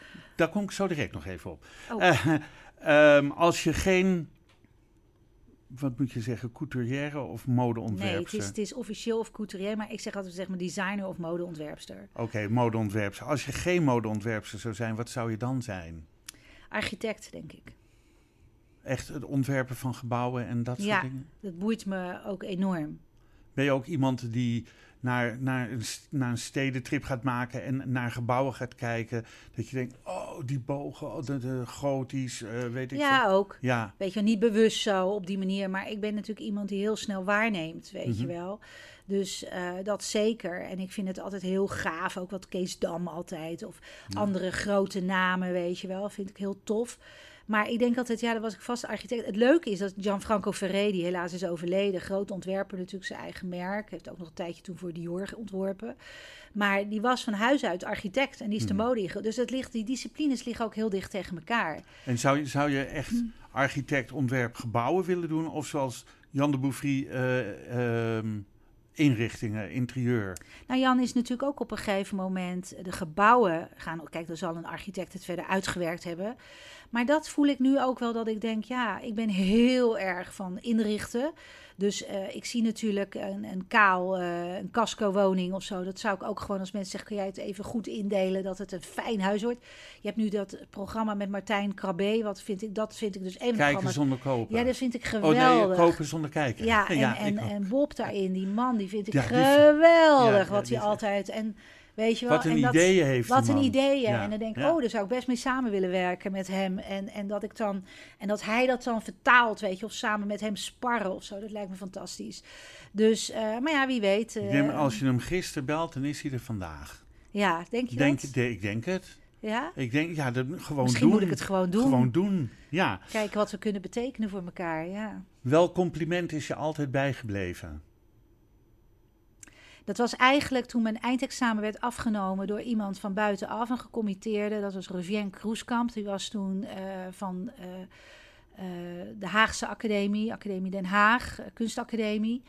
En die zei tegen mij, die had gevraagd naast mijn tekeningen dat mijn kleding ook die ik ervan gemaakt had, ook binnengebracht. Dat was, was de enige geloof ik waar dat bij gebeurde van mijn lichting. En ik was bloednerveus natuurlijk. En toen zei ze tegen me, ging ze staan en wees naar mij en zegt ze één ding ontwerpen en niks anders. En toen dacht ik ook, eh, ik weet nog dat ik ook op een gegeven moment buiten liep naar de metro en zo. En ik dacht, ik ben ontwerper. Ja, alsof iedereen het aan me zag. Niemand liep, Ja. iedereen liep mij natuurlijk voorbij. Maar ehm, ja, dat was ook mijn diepste wens natuurlijk. Ja. Dus dat- misschien, er zijn natuurlijk vele andere complimenten. Maar dit is wat mij nu, dat ik denk, ja, daar blijf ik toch ook altijd weer aan denken. En warme gevoelens. Ik heb haar later natuurlijk ook nog wel gesproken. Ja. En eh, dat vind ik toch wel heel bijzonder. Met welke karaktertrek van jou kun je een ander tot wanhoop drijven? Koppigheid. Ja, dat bleek wel een beetje met de mondkapjes, hè? Maar JH krijgt dan de eerste klappen. Maar ook de eerste zoenen. Ah. Nee, maar dat weet hij wel, weet je wel. En dan heb je, heeft hij zoiets, ja, de, hij is natuurlijk een leeuw, ik ben een stier. Dus dan, Ja, maar ehm, kijk, mensen weten wel altijd, dat heb ik ook met mijn team vroeger altijd gehad, dat ook al zeg ik misschien even nee tegen iets, dat er als het interessant genoeg is, en dat is, hè, dat kan Uitge- vaak wel zo zijn, ja. dat ik daar toch altijd over nadenk, dat ik er altijd op terugkom, ook al blijft het een nee, maar dat heb ik dus ook altijd met mijn team gehad. Eh, het is nooit dat ik ben niet iemand die zegt eh, nee en, en niet kan beargumenteren, zeg maar. Voor mezelf moet ik ook zeker weten waarom ik een nee heb gegeven, net zo goed als een ja. ja. En, ehm, en dat, dat weet hij ook. Ehm, Monique, wat is het meest emotionele moment uit je leven? Oh god, ja, de, het overlijden van mijn moeder. Ga ik Ja. al gewoon. Ja, lang geleden? Heel lang geleden. Ik was net van de academie, dat heeft ze nog meegemaakt. Mijn eindexamen heeft ze meegemaakt. En toen ik naar Duitsland ging, dat was kort daarna, voor de beurs, in de grootste sportbeurs in München, was zij overleden. Ze zou met mijn vader gaan, een leuk weekje Maar ze toeren. is niet oud geworden dan? Nee, 53. 53. Ja. Ja. Wat dacht jij toen jij 53 was? Mijn zussen hebben daar meer last van gehad. Die hadden echt zoiets van, nou wordt de leeftijd van mijn moeder. En weet je, als je er overheen bent... pff, ik ben niet iemand die daar zo stil bij... Weet je, ik ben ook nooit zo van de sterfdagen. Ik ben altijd van de geboortedagen, weet je wel, herinneren. Eh, ik ben ook nooit heel zo van leeftijd. Nou ja, het blijkt ook wel met tijden, weet Ja. je wel. Dat- Ehm, dus ehm, ja, ik heb, daar heel kort, ik heb daar misschien maar heel kort bij stilgestaan. Ik praat nog veel in gedachten tegen mijn moeder, zeg Wat maar. mooi, dat is mooi. Ja. Ja. ja.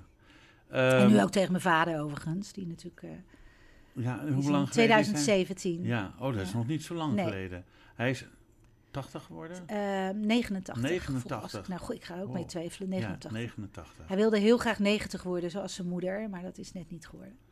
Als je iets aan jezelf zou mogen veranderen, wat zou je dan veranderen? Uiterlijk of aan karakter of zo? Wat jij wil? Eh, nou, er zijn best wel dingen natuurlijk, weet je. Ehm, ik denk, wat ik, wat ik niet zou willen veranderen, laat ik daarmee beginnen, komt misschien bij waar ik wel... is gewoon het optimisme en het doorzetten en gewoon blijven gaan. Want ik denk van, ja, dat is... Dat vind ik ook een soort oerkracht ergens. Soms denk ik ook, waar haal ik het vandaan? En ook al in tijden als ik het niet meer zie zitten of zo... dan zie ik altijd weer ergens licht.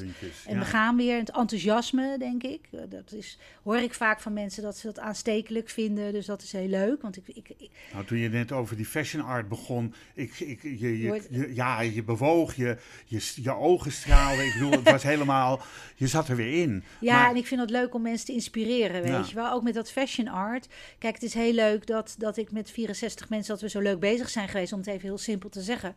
Maar ik, vind, ik wilde eigenlijk mee zeggen dat iedereen heeft een mate van, van eh, creativiteit in zich.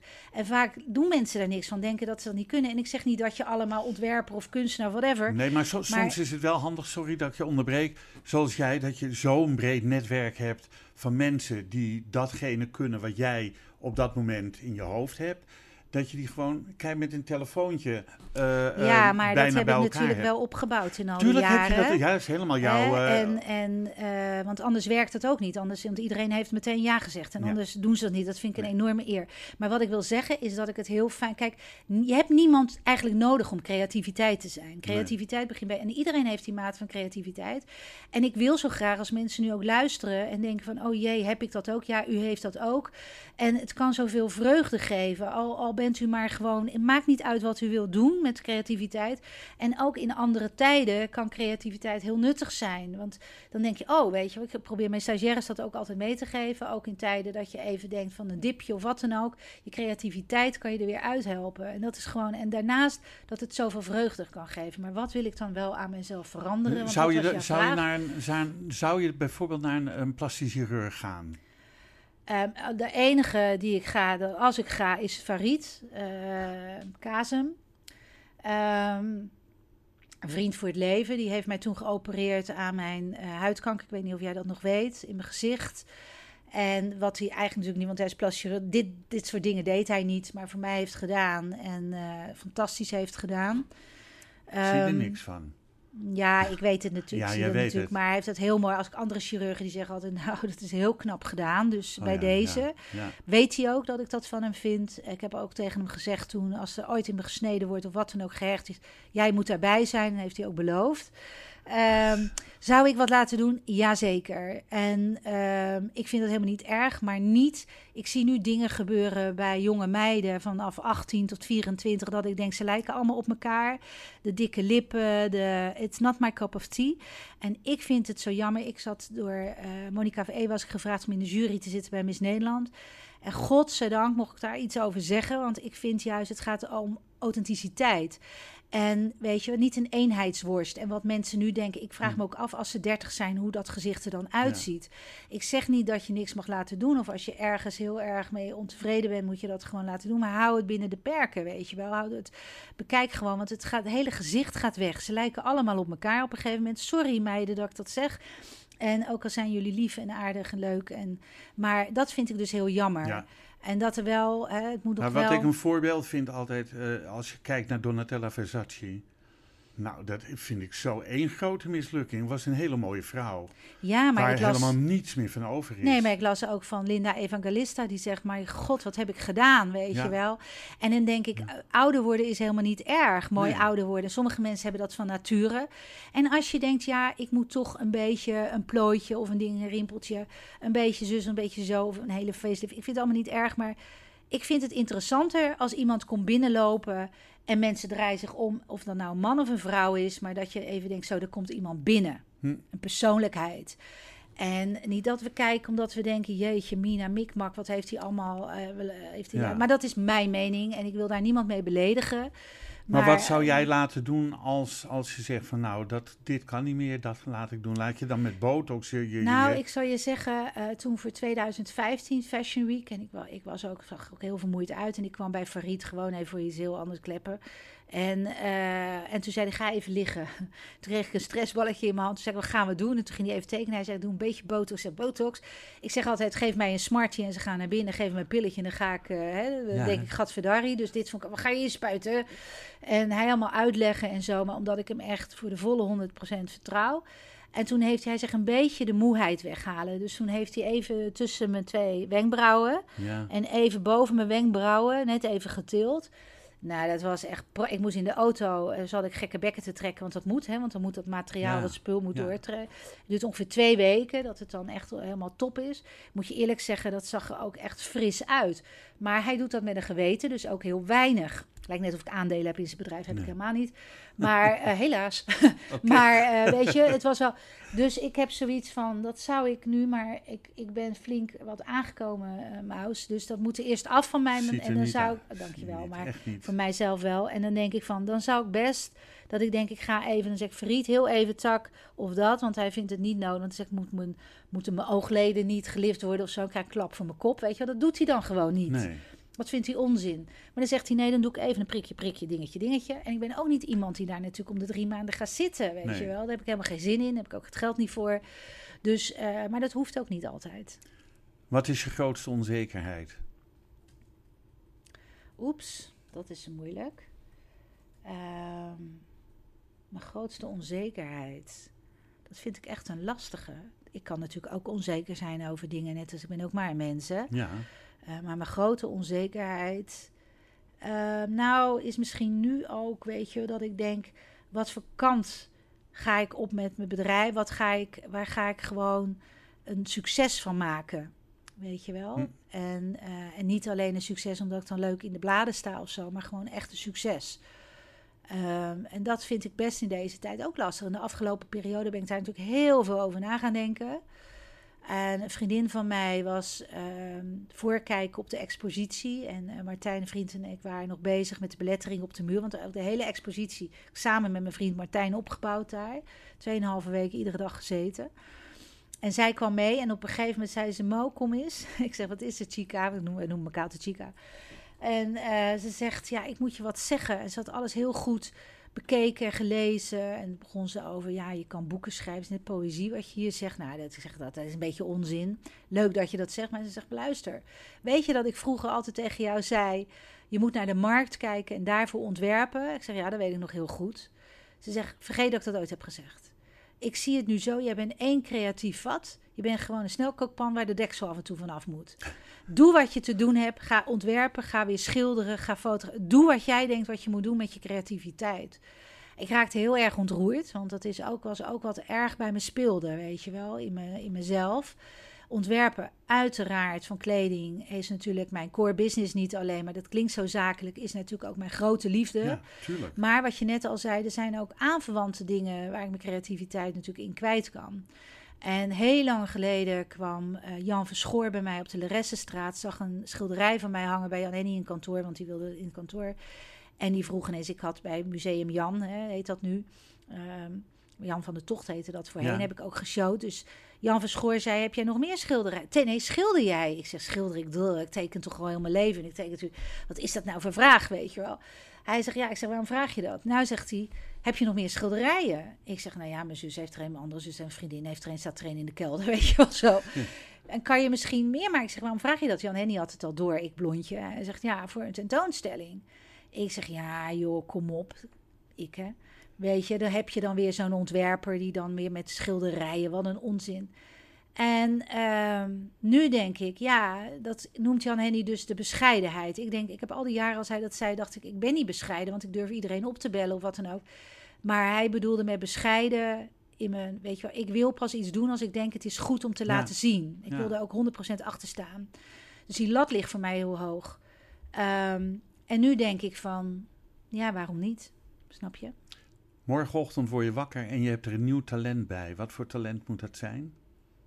En dan zou ik eigenlijk willen zeggen. Schilderen. Nee, nee, dat talent heb ik wel, denk ik. Maar Ja. dat, als ik zo vrij mag zijn, maar eh, dan zou ik echt zeggen: ik zou het talent van Monica of andere eh, financiële mensen willen hebben. Ik denk dat ik voor iemand anders heel goed zakelijk kan zijn en de zaak even kan runnen, zullen maar zeggen, eenvoudig gezegd. Eh, zolang zij er even niet zijn. Maar voor mezelf, ik ben daar ook achter gekomen. Ik denk, dat moet ik misschien ook niet meer willen op die manier. Ik wil wel, zou wel heel graag weer met een team willen werken en zo'n aan willen sturen. Maar ik moet die andere dingen niet meer doen. Er zijn andere mensen gewoon. Dat is voor mij toch wel te. ehm, ik, ik weet je wel, ik weet nog wel dat Jan Henny ooit mijn hand pakte en zei: Dat is leuk, ik zie één groot gat. en dan pakte hij weer na een paar maanden, die ziet het hem doen. Hè? En dan zei hij: Oh, zei hij heel serieus: Het is wat gedicht, gelukkig. En dan weer: Oh nee, jammer, weet je wel zo. Oh ja. Dus ik ben natuurlijk heel goed in in. eh, ik ben een visionair waarschijnlijk. Ik kan heel goed zien van hè, waar we het aan uit moeten geven of wat dan ook. Maar ik kan daar natuurlijk doorslaan, wil ik niet zeggen hoor. Want ik ben natuurlijk niet dom. Maar natuurlijk ook wel heel veel vertrouwen in hebben dat dat goed komt. Of dat dat terugkomt. En je ziet er is een pandemie of er kan altijd een Er kan externe altijd iets factor. gebeuren, maar er kan jou ook iets gebeuren. Er kan Jan Henny ook Exact. iets gebeuren. Ja. Ja. Ehm, wanneer heb je voor het laatst gehuild en waarom? Ik ben een jankenbalk. Eh, ik, ik, kan, eh, ik kan huilen balk, maar ik kan bij een mooie, mooie film of een natuurfilm of iemand, of ik kan ontroerd raken, kan ik meteen al in de tranen schieten. Ehm, echt gehuild. Ehm, ja, ik heb, ik heb echt, natuurlijk mijn vader, maar die was 89, was ook een bijzonder verhaal wat daar gebeurd is. Maar een paar maanden later dat, me- dat ik mijn paard High Spirit toch moest laten inslapen. Dat ik Oh, zelf dat die is beslissing moest nemen. En natuurlijk, hij was 28 en het was goed. Hij vond het goed zo. En dat zie je ook aan de reactie naar mij. Dat is allemaal gefilmd. Dat is heel ontroerend. Ben ik half jaar ben ik echt gewoon diep in de rouw geweest. Ja. En ik heb zo gehuild, Maus. Ik heb zo gehuild. Het was mijn beste vriend. Ja, Ja, mooi. ja. Schiet ik alweer vol. Ja, maar meid... Apart, hè? Ja, nee, is niet apart. Dat, dat, Wij nou, hadden zo'n dat connectie. Ja, En mijn vriendin ehm, Helma Liebewert, eh, die is ook, eh, ja, zij is ook sjamaan. Waar loopt ze allemaal niet mee te koop, maar ze is heldervoelend. Eh, ik weet niet precies hoe ik dat moet zeggen. Die heeft toen heel, net de dag erna met mij gesproken over hem. En toen zei ze, maar jullie hadden zo'n, heeft ze uitgelegd over energieën. Ik ben ook een gevoelsmens. En eh, ze zegt, jullie twee hadden zo'n zuivere energie. En iedereen omheen heeft dat ook altijd gezien. Die hebben dat ook, die, die, dat contact dat wij samen hadden, dat was zo bijzonder. Zo Ja. bijzonder. En dat, ja, dat is. ehm, heb je is- inmiddels een nieuwe paard, Mo- Monique? ik rij nog steeds. Oh, je ja. rijdt nog steeds. Goed. Ehm, ben je bang voor de dood? Nee, maar ik wil nog niet dood. Want Nee, ik denk dat- van, ik heb nog een hoop te doen. Dat was ook niet mijn bedoeling. om- Maar ja, ik ben ook niet zo'n mens die zegt van bang, bang, bang, weet je wel. Want dan denk ik van ja, als je de hele tijd bang voor iets gaat zijn, dan durf je niet te leven. Ehm, ik hoorde eh, vandaag van een familielid, van een iemand, ander familielid, ja, en het is nog een jong iemand, die is overal bang voor. Daardoor durven ze niet te reizen, durven ze niet te, dat, dan, dan leef je bijna niet, weet je wel. Dan beperk je jezelf zo. Dus ik denk dat we niet bang moeten zijn. Ook bang voor de dood. Als ik erover na ga denken, dan word ik helemaal niet goed. Want dan denk ik, ja, wat dan? Ik weet nog, ik stond met andere ontwerpers in Namibië op uitnodiging toen. Op de Sossosvlei, op, er zijn ongeveer, ik geloof 180 kilometer naar de kust, zijn alleen maar oranje duinen, zeg maar. En wij waren erop gelopen, we stonden met elkaar en we zeiden, ja, wat dan? Hoe dan? Begrijp wat ik bedoel? Ja, Ja, dat is toch wel raar. Net alsof je dan toch in één keer een soort bij God raakt. Terwijl je, ik ben katholiek opgevoed hoor, maar toch denk van ja, is dat dan zo'n man? En hoezo is het een man? En is het dan onzijdig? En waarom? En hoe dan? En als ik dan ga nadenken over het, over, over het universum of weet je, planeten. En dan denk ik, waar eindigt dat dan? Ik, kijk, niemand weet dat. Niemand Nee. snapt dat. Dat is dus ook je geloof natuurlijk. En ehm, dus toen dachten wij ook van ja, dus ik probeer daar af en toe even niet over na te denken, zeg maar. Meer niet dan wel. Want omdat ik ook geen antwoord op krijg. En misschien krijg je dat antwoord wel. Als je, maar ik moet je eerlijk zeggen, ben ik in een kerk, steek ik altijd kaarsjes op voor bepaalde mensen die overleden zijn. Ik merk toch, eh, weet je, mijn vader eh, werd eh, gecremeerd, maar daarvoor hadden we in Schiedam toch echt een heuse kerkdienst. Met alles erop. En het was, het was net een Italiaanse film, moet ik eerlijk zeggen. En, ehm, en dat vind ik dan toch prettig. En zaterdag waren we bij het afscheid van de vader van een hele dierbare vriend van mij. En die had ook de leeftijd, maar afscheid nemen is nooit Is fijn. fijn. Is Ja. pijnlijk voor Ja. mensen. Maar toch ook, en dit was in, in eh, Laren, ook een katholieke dienst. Tenminste, we hadden het kort gehouden hoor, maar heel mooi gedaan. En dan lopen we, we gingen wij in Erehagen. En toen zei ik tegen Jan Henny, ook die kerk zat lekker vol. En dat vind ik dan lekker, hè, Maus? Dan denk ik, ja, niet dat we hier met z'n tienen zitten. nee. Snap je, dat Dat heb ik- zegt ook wat van degene die overleden is. Het zegt wat van jou. En eh, inderdaad, als je niet met z'n tienen zit, maar met een volle bak, dat geeft een mooi en een warm gevoel. Ja. En ik vind ook, eh, ga je, ja, ik ging, ik, heb, ik ken de hele familie goed. Ik ging natuurlijk eh, voor hem. Maar je gaat ook eigenlijk voor degene die achterblijven. En natuurlijk zijn moeder ken ik goed. En Ja. zijn zus en, en twee broers ken ik dan wat minder. Maar voor Paul, mijn vriend, dan ben ik daar, weet je wel. Jan Henny was daar ook voor hem. En ik denk van soms de- denken mensen daar iets makkelijk, te makkelijk over, weet je wel. En ik vind ook uit respect, en daar kleed je je ook voor. Ja. En dan ga je gewoon naartoe, punt. Welk tv-programma mag van jou per direct van de buis? Oh, ik heb helemaal niks met dat soort eh, reality tv, eh, wat, hoe heet dat allemaal, Love Island, dat soort dingen. Maar dat mag schijnbaar niet van de buis, want er zijn mensen natuurlijk die dat leuk vinden. Ik kijk er niet naar. eh, wat ik dus wel geweldig vind, is bijvoorbeeld tegenwoordig veel meer voedend vind, is Spy in the, Spy in the Wild. Sorry, ik wilde Spy in the Dark. Spy in the Wild, dat is bij de EO. En dan maken ze zijn Die natuurfilms natuurfilm, ja, ja, met die robots, weet je wel. Zo mooi gefilmd. Niet normaal. Maar die beesten hebben zelf dus ook een cameraatje. eh, Ja, die robots. Ja, die robots. En, eh, en, die kunnen dus heel dicht bij die beesten. Ik Nou, vind het zo gewoon- waanzinnig Maar je gefilmd. ziet ook dat die dieren zo dicht bij ons staan qua gevoelens ook. Want wat mensen ook zeggen, ik weet, hè, vergeet nooit meer dat stokaapje. Heb jij dat gezien met die stokaapjes? Nou, en dan zit die robot daar. Je bedoelt en die stokstaartjes. die of- staartjes, ja. stokstaartjes. en die, en ja. die kijken dan zo van, eh, oh, oh, we hebben een nieuw iemand. Ja, oh, oh, en dan gaan ze er eens naartoe. En, eh, ja. ja, en op een gegeven moment zijn ze aan het voelen aan het stokstaartje en die valt dan om. En dan denken ze dat hij dood is. Nou, je hebt het gezien. Ja, Ben ik dus gaan janken. ja. En dan gaan ze in een kring eromheen rouwen om dat stokstaartje, die ze eigenlijk net pas hebben leren kennen, maar als een soort familie. Nou ja, je kan me wegdragen, ja. weet je. Ja, ik, ik heb ook een keer, eh, vol- ik weet niet of dat met die, met die cameraatjes was of met die, met die robotjes, over apen. eh, dat één aap werd eigenlijk verstoten. Die was oud, dat was een, een eh, primaat geweest en die werd aan de kant gezet. En het was, het was zo zielig. Toen zat hij in de boom en er brak brand uit. En toen is er toch een aap gekomen om hem te helpen. Ach, en hem God. uit die boom. Ja, Ja. dat, nou ja, dan Ja. hou ik het ook nee, niet droog. toch? Ja, Fantastisch. eh, stoppen. Eh, hoe ziet jouw leven er over vijf jaar uit? Nou, ik zou heel graag binnen die vijf jaar, ik denk eigenlijk dat dat voorjaar, ik heb voor mezelf zoiets voorjaar, eh waar gaan we dan naartoe, 23, zou het mooi zijn om... 22. Ja, 23 zeg ik, want Oh. 22 is te snel. Oh, is nee, wacht even, we gaan Oh ja, over 22. vijf jaar. Ja, ja, goed. Nee, nee, binnen vijf Binnen jaar. Dus vijf jaar. 23 zou ik eigenlijk een hele grote openingstentoonstelling, tentoonstelling of nee, een- een overzichtstentoonstelling, sorry, willen Ja. hebben. Waarbij ik alles van, van mijn creativiteit kan laten zien. Dus buiten ontwerpen en zo misschien nog even lekker een hele grote cultuurshow kunnen geven. Misschien wat Ehm, schilderijen ertussen. of fotografie wat ik heb gedaan, whatever.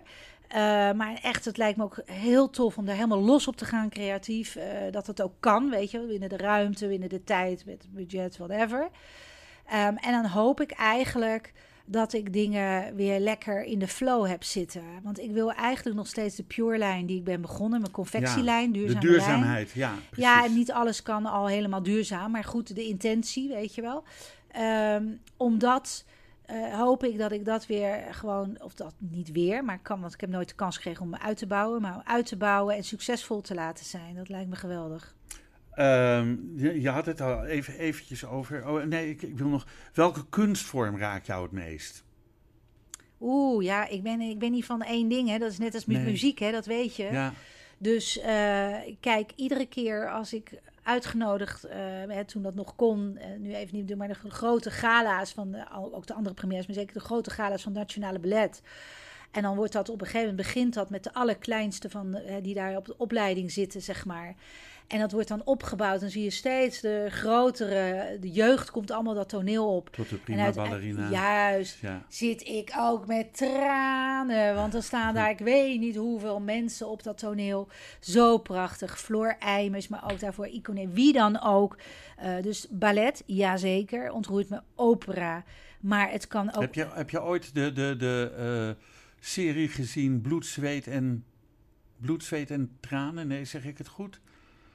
Dat ging over, over het... eh, da- daar zag je ook Igone de Jong en al die, al die Ja. andere balletdansers. eh bloed, Zweet... Volgens mij heette het Bloed, ik Zweet en niet meer Tranen. te zeggen hoe dat heet. Eh, maar dat ging alleen maar over het Nationaal Ballet. En hoe, hoe je moet knokken om inderdaad Topsport. die prima ballerina te worden. En Maar hoeveel pijn het ook af en toe doet en hoeveel het kost, je lichamelijk kost. Tuurlijk. Om, Maar hoe, het ziet er allemaal zo vanzelfsprekend uit. Het is zo elegant. dat maakt het zo en mooi. Zo mooi. Ja. En, en weet je wel, en dan ook als zo'n ballerina natuurlijk, door zo'n ballerino, die, die loopt hij dan zo, begeleidt haar naar voren voor het applaus. En dan doet hij natuurlijk ook het applaus eh, in ontvangst. in nemen. ontvangst nemen, dankjewel. Maar zij dan, die dan natuurlijk daar zo door die knieën, ik zit het na te doen, Je doet het heel elegant. Heel elegant. Ik zit hier gewoon op de stoel. Maar goed, weet je wel, dan, dan zit ik ook altijd, denk ik, bravo, bravo. Maar goed, ik kan ook helemaal, weet je wel, ontroerd raken, maar op een andere manier van de groep die natuurlijk het Eurovisie Songfestival heeft gewonnen, Maneskin. Ja. Eh, met dat nummer waar ze mee hebben gewonnen, maar ook eh Bagging, wat hij zingt. Ik vind dat zo ongelooflijk goed in die stem van hem. Maar dat heb ik ook bij Bono, maar dat kan ik ook dus met Maria Callas hebben. Het- veel ontroert mij. Dat kan een kind zijn ineens. Het kan een, een, een, een hondje zijn waar ik helemaal... Of een, dat maakt allemaal niet uit. Het kan van alles zijn. Oh, ik denk, ik laat, gelijk, ik laat gelijk mijn hond zien, dacht ik. Ja. Maar dat, eh, dat, dat, komt, dat komt, straks, eh, komt straks wel. Ehm, eh, als je iemand zou mogen bedanken, Monique, wie zou je dan bedanken? Nou, ik heb in mijn boek ook mijn ouders bedankt, omdat zij mij natuurlijk altijd vrij hebben gelaten in mijn keuze. En in, om mijn creativiteit te ontplooien en dat te doen wat ik te doen heb in het Ja. leven, zeg maar. Ehm, en daarnaast heb ik ook Jan Henny bedankt, omdat hij... Kijk, wij zijn natuurlijk al zo lang in, eh, bij elkaar. En het zal soms voor hem niet makkelijk zijn om een vrouw als ik naast zich te hebben... met zo'n sterke eh, wil of dingen. Ze zal die best ook wel eens gek van worden. Maar altijd heeft gesteund en nog steeds en achter me staat. En eh, vroeger, als wij nog gingen skiën en er kwam bijvoorbeeld iemand die dan even met zo'n skateboard of zo mij onderuit skiede, zeg maar. Ja. Dan ging hij, dan vroeg hij eerst of alles goed met me was. En dan ging hij erachteraan, want dat doe je niet met mijn vrouw. Weet je wel, dat soort dingen. Dus, eh, maar zo zijn er nog best wel een lijstje hoor. Ik heb zoiets als ik nog eens een keer iets, een, een speech mag houden bij een mooie, mooie award of zo, of wat dan ook. Ga je Dan- iedereen bedanken? Nou ja, dan weet ik denk wel wie front row moeten zitten.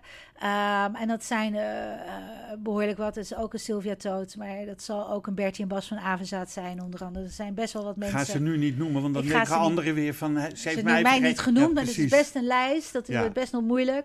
Maar waarvan ik denk, ja, die mensen hebben mij toch ook in die jaren gevormd. En er zijn ook nu nog mensen waar ik natuurlijk toch weer van leer. Monique, ehm, kan couture of haute couture, is, zit daar verschil tussen, tussen, tussen die twee? Nee, couture en haute couture, nee. Nee.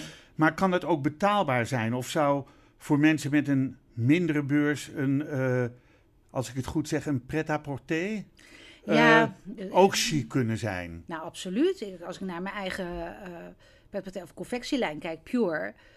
Maar ja, dat denk ik zeker is dat, eh, kan dat chic zijn. Dat hoeft helemaal niet. Maar ook betaalbaar bedoel ik. Voor, Ja, dat is ook mensen. zeker. Ja. Ja, en wat is betaal? Ik kan niet in mensen de portemonnee kijken. En er zijn ook mensen die sparen soms. Kijk, ik had ooit een, een, een stagiaire uit Italië, Mariana, en die zei tegen mij: Ik vind het zo bijzonder.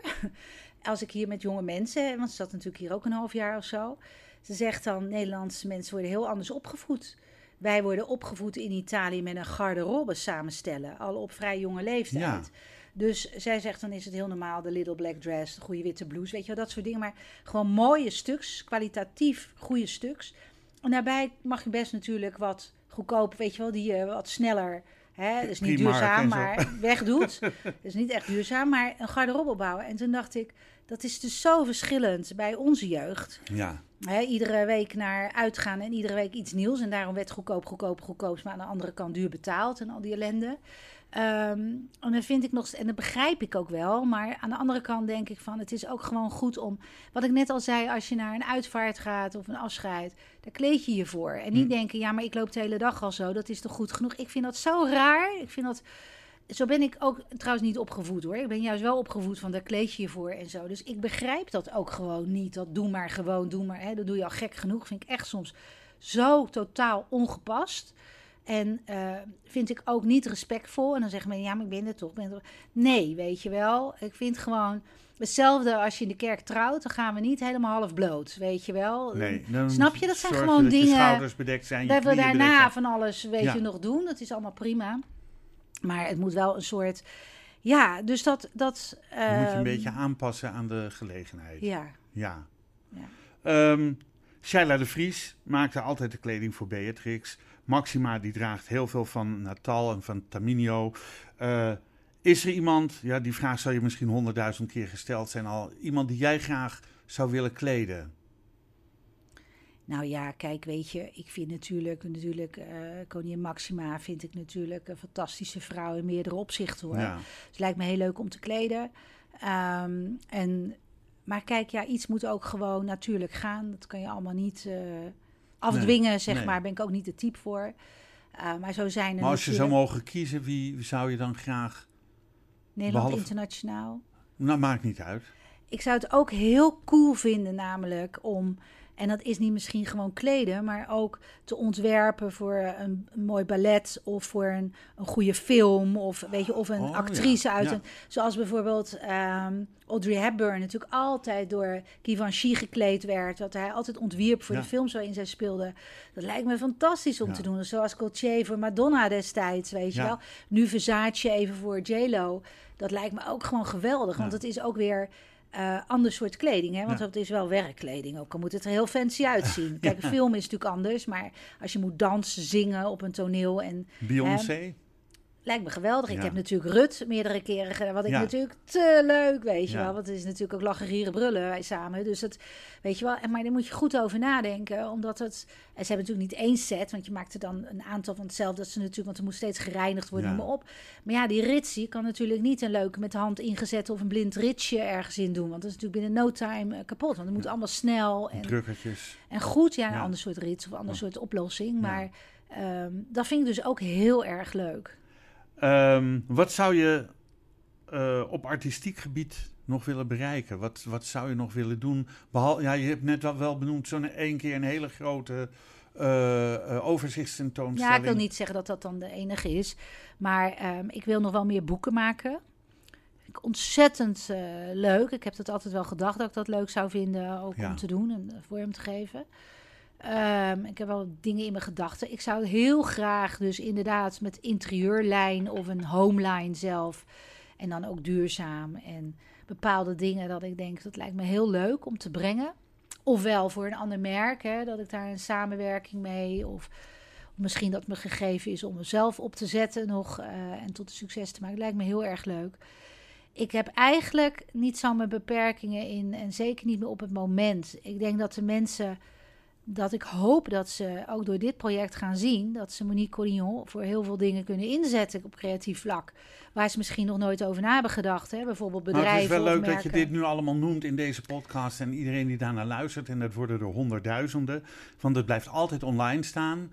En uh, ze kunnen me gewoon bellen en dan breng ik ze in contact met je. Ja, of ze kunnen jou bellen natuurlijk ook. Um, volgend jaar, Monique, word je 60. Moeten we dat noemen? Nee hoor, u wordt geen 60. Uh, ja, ik word wel 60 ja, je wordt natuurlijk. 60. Ja, ja, ja. Maar hoe gaat dat jaar eruit zien? Hoe gaat je verjaardag eruit nou, zien? Nou, ik vind het heel raar, Maus. Ik denk steeds... Oké, okay, ik ben nu een mevrouw, zeg maar, zoals je dan vroeger... En zo zie ik dat zelf natuurlijk helemaal niet. Ik heb natuurlijk ook ik heb vrienden van mijn leeftijd of ouder, maar ik heb natuurlijk ook heel veel jonge mensen om me heen. En um, ik schrik er steeds een beetje van. Ik vind 60 wel een ding. Ik denk 59 zegt dat. Moet ik nu ineens niet anders gekleed gaan? Moet ik niet kort haar? Weet je wel? Nee. Moet ik niet. Um, kijk ik naar mijn zussen die natuurlijk allemaal blijven. over de 60 zijn. Ja, en die ja. zien er gewoon geweldig uit. En dan zie ik iemand op tv die bijvoorbeeld 53 zou laten. Ja, toen zei ik tegen Jan Henny, wacht even. 53. 59 zal ik. En dan moet hij lachen. En dan denk ik, ja, hoe dan? Weet je wel, ik, maar het is ook hoe je erin staat, denk ik. En wat je interesseert en hoe je bezig bent. Hè? Hoe Met je wie je leven omgaat, wie je, je omgaat. Ja. Creativiteit. Ik keek altijd natuurlijk naar Karl Lagerfeld. En denk op een gegeven moment was hij 82, stond nog midden in de wereld. En alle jonge mensen om zich heen, weet je wel. Dus uh, kijk naar Iris Apfel, net 100 geworden. Dat is toch fantastisch, die Super, vrouw. Fantastisch. Ja, ja, dus dan denk leuk, ik van ja, en niemand denkt van, iedereen denkt uit respect 100 geworden, maar niemand denkt, oh, dat is een oude vrouw van 100. Wat ze natuurlijk eigenlijk is, als je dit zo bedenkt. Hè. Dat is heel respectabel, 100. Maar dat is natuurlijk helemaal te gek. Dus um, daarom ben ik er niet zo mee bezig. En de laatste tijd denk ik wel, oh jee, en ik krijg nou toch niet ineens een soort midlife crisis, weet je wel. Want Ga je er wat aan doen aan je verjaardag? ik ben er nog helemaal niet mee bezig, Maus. Dat het is, al in mei. Het is al, al in mei. Ja, al in mei. Ik denk dat is pas in mei. Ja, ja. als ik iets organiseer, kan ik het binnen no time doen, weet je wel. Ja, je hoeft 40 belletjes en 40 ze zijn bij belletjes elkaar. en ze ja. zijn er, er zijn 80 man. Weet je wel? Goed, ehm, heb je een website? Want dat is natuurlijk voor mensen misschien ook wel leuk om even te kijken. De website is eigenlijk ook de webshop.